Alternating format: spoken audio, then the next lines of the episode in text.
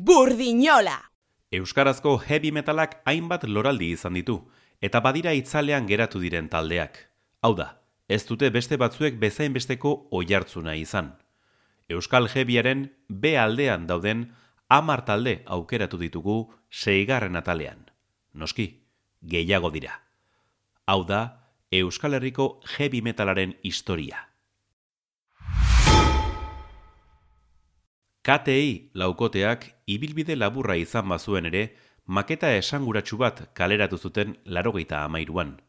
Ondarroan finkaturiko taldeak lau heavy thrash metal abesti grabatu zituen Lorenzo Records estudioan. Musikari ezagunek osaturiko taldea zen, gerora beste hainbat abenturetan ikusi eta entzun ditugunak. Andoni Caballero, Kaba, abeslariak, azken garrasiarekin bat egin zuen KTI utzita. Keu agirretxea gitarristak ibilbide oparoa izan du ordutik egun arte. Galder arrilaga bateria jotzaileak borsa anaiaren lekua hartu zuen sutagarren, aiumen basoarekin aritu ostean. Laugarren kidea, Javier Casado, basu jotzailea izan zen. Katei, aurkitu dut.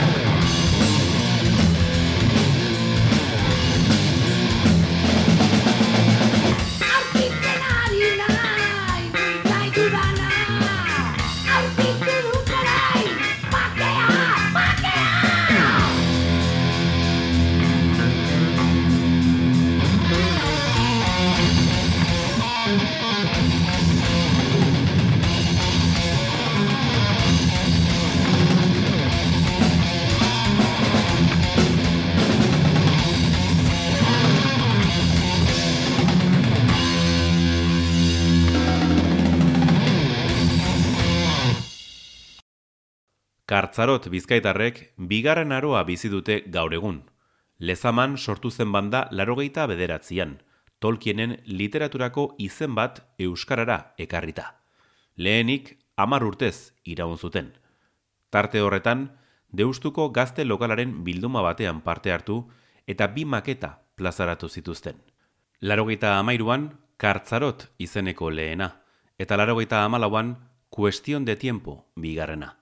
Larogeita emeretzian banandu ziren, 2000 eta amairuan itzultzeko. grabazio zaharren bilduma bat argitaratu zuten, eta gerora, estudioko bi disko aurkeztu dituzte.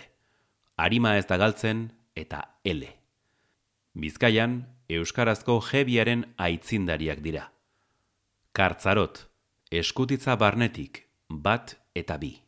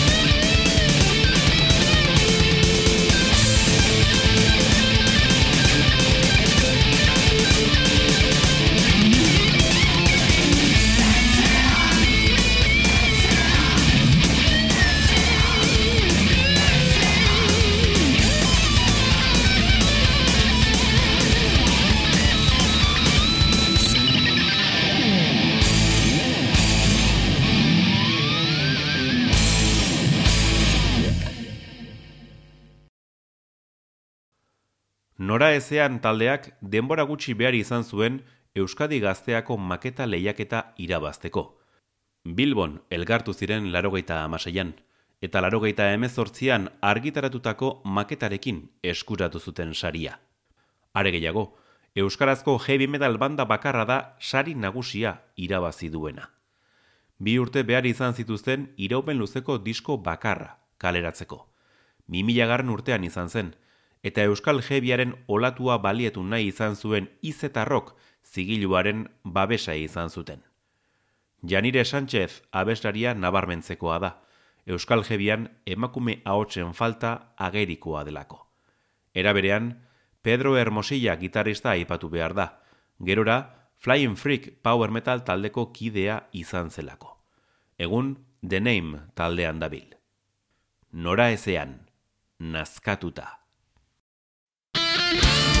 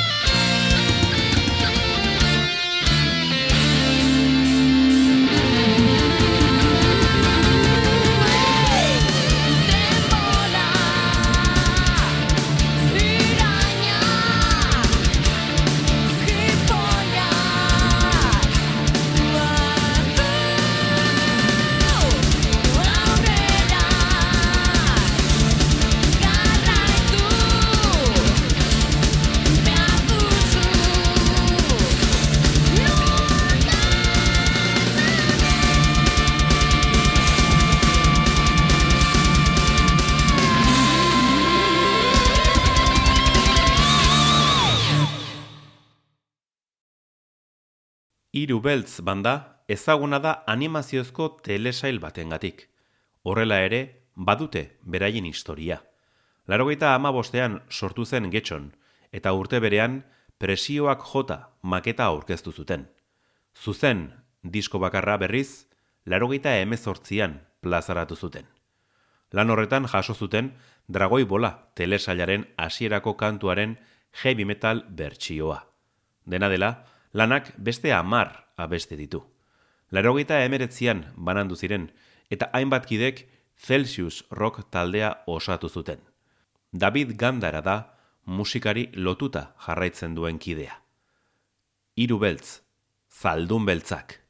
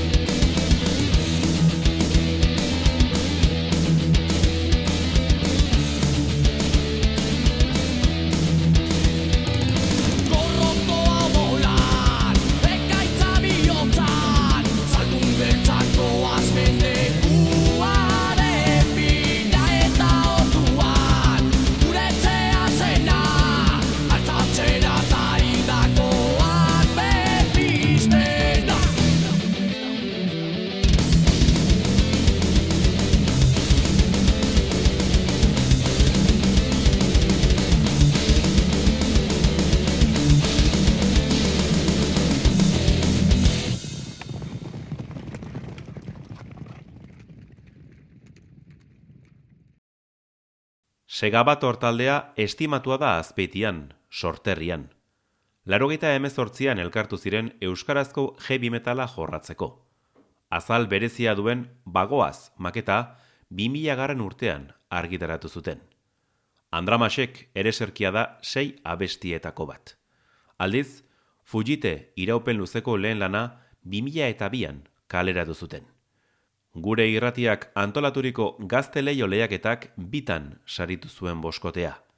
2000 garren urtean, irugarren saria eskuratu zuten, eta 2000 eta iruan lehen da bizikoa. Horri esker, 2000 eta iruan bertan, gaua biluzten diskoa plazaratu zuten. 2000 eta garren urte inguruan banandu ziren, eta arantzetan banda akustikoa sortu zuten. Gerora, izaera elektrikoa izei taldearekin berreskuratu zuten. Segabator, gaua biluzten.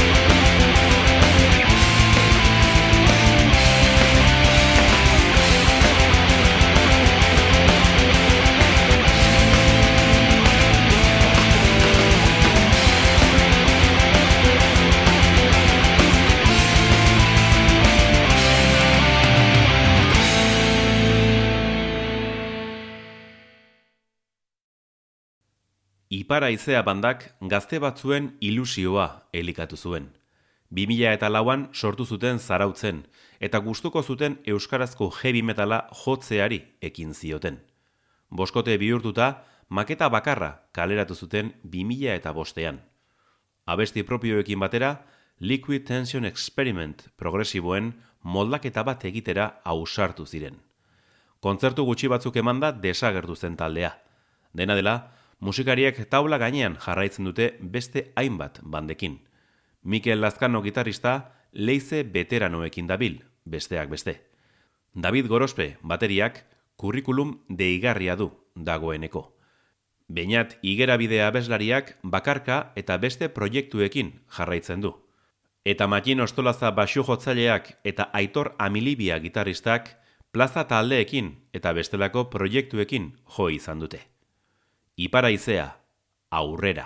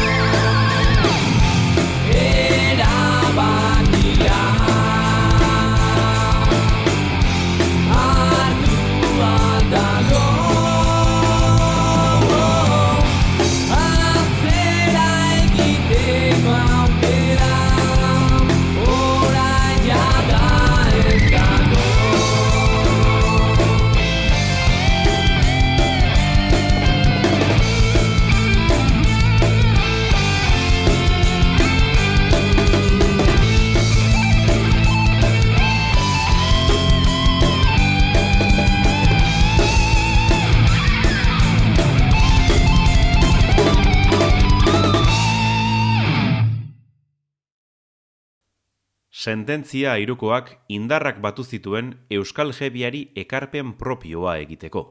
Gipuzkoako hiru musikari elkartu ziren 2006 garren urte inguruan. Barrutik disko bakarra 2007an argitaratu zuten diskos suizidas zigiluaren babesarekin. Garaian, emanaldi batzuk eman zituzten, baina euren bideak ez zuen askorako eman. Horrela ere, irukideek musikarekin zuten lotura mantendu dute. Luther bandan ibilitako Oliver Losada abeslariak lurrin bakarkako proiektua sortu du. Igor Lezertua gitarristak konposatzen jarraitzen du.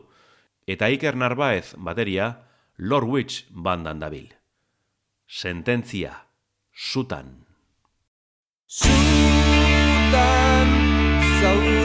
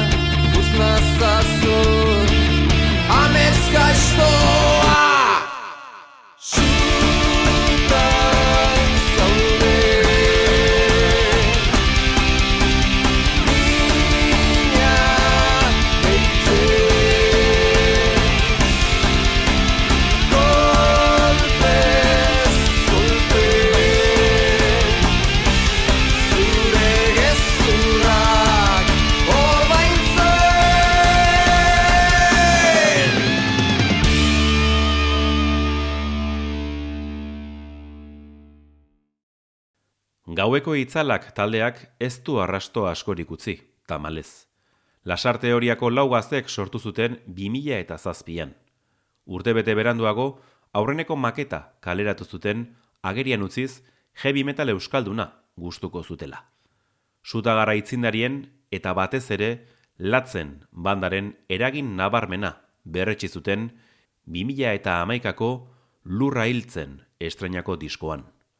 Etxean eta inguruetan aurkeztu zuten, ustea erabaki zuten arte. Nola nahi ere, azken hamarkada luzean argitaratu den Euskal Heavy disko honetako bat da.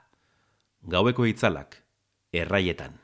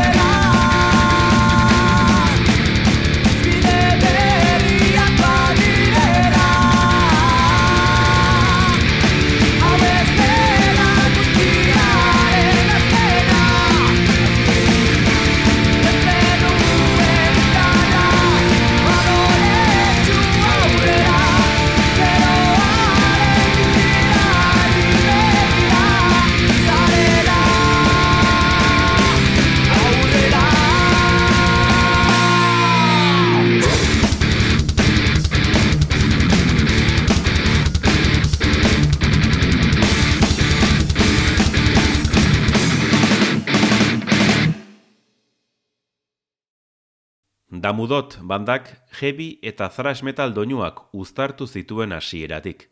Zaldi barren elkartu ziren 2000 eta batean, eta bost urte beranduago aurkeztu zuten lehen erreferentzia.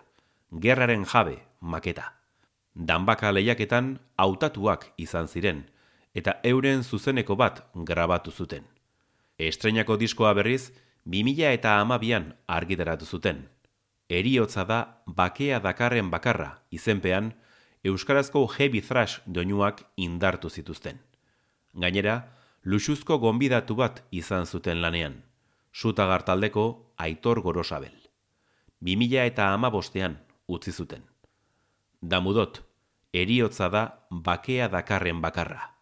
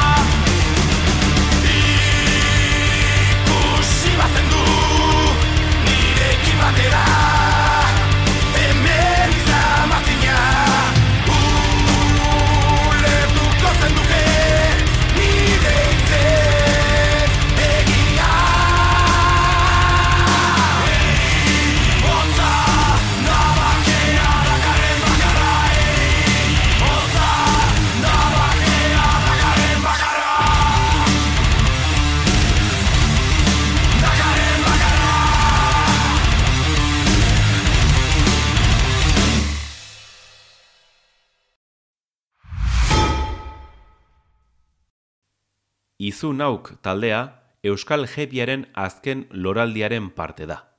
Zumaian sortu zen 2000 eta seian, eta gustuko zituzten mendeku itxua usurbildarrei begira hasi ziren. 2000 eta zortzian kaleratu zuten bost abestiko lehen maketa, eta gutxira kantaria aldatu zuten. 2000 eta amabiko metamorfosia lehen diskoarekin beste urrats bat egin zuten musikalki, jebia eta thrash metala uztartuta.